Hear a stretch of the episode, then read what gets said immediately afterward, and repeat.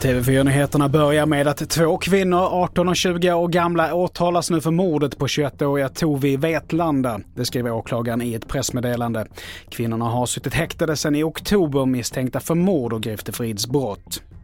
Vidare till att det nu kommer det ytterligare politiska reaktioner efter Kalla faktas avslöjande om högerextreme dansk-svenske politikern Rasmus Paludans kopplingar till den paramilitära ryska Wagnergruppen.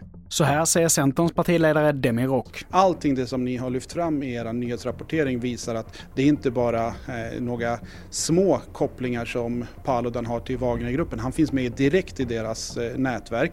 Paludan har en uppenbar koppling direkt till folk som står på Sverigedemokraternas lönelista. Det väcker alldeles för många frågor för att det här ska kunna avfärdas som någon liten incident. Till sist, fler myndigheter och branschorganisationer uppmanar nu folk att skrota sina gamla båtmotorer motorer då de är mycket skadliga för miljön.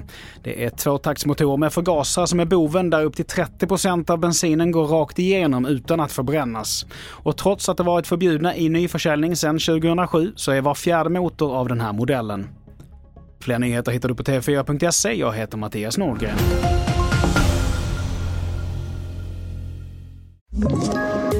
Poddtips från Podplay. I podden Något Kaiko garanterar östgötarna Brutti och jag, Davva, dig en stor dos skratt. Där följer jag pladask för köttätandet igen. Man är lite som en jävla vampyr. Man har fått lite blodsmak och då måste man ha mer. Udda spaningar, fängslande anekdoter och en och annan arg rant. Jag måste ha mitt kaffe på morgonen för annars är jag ingen trevlig människa. Då är du ingen trevlig människa, punkt. Något Kaiko, hör du på Podplay. Därför arkadeinerna.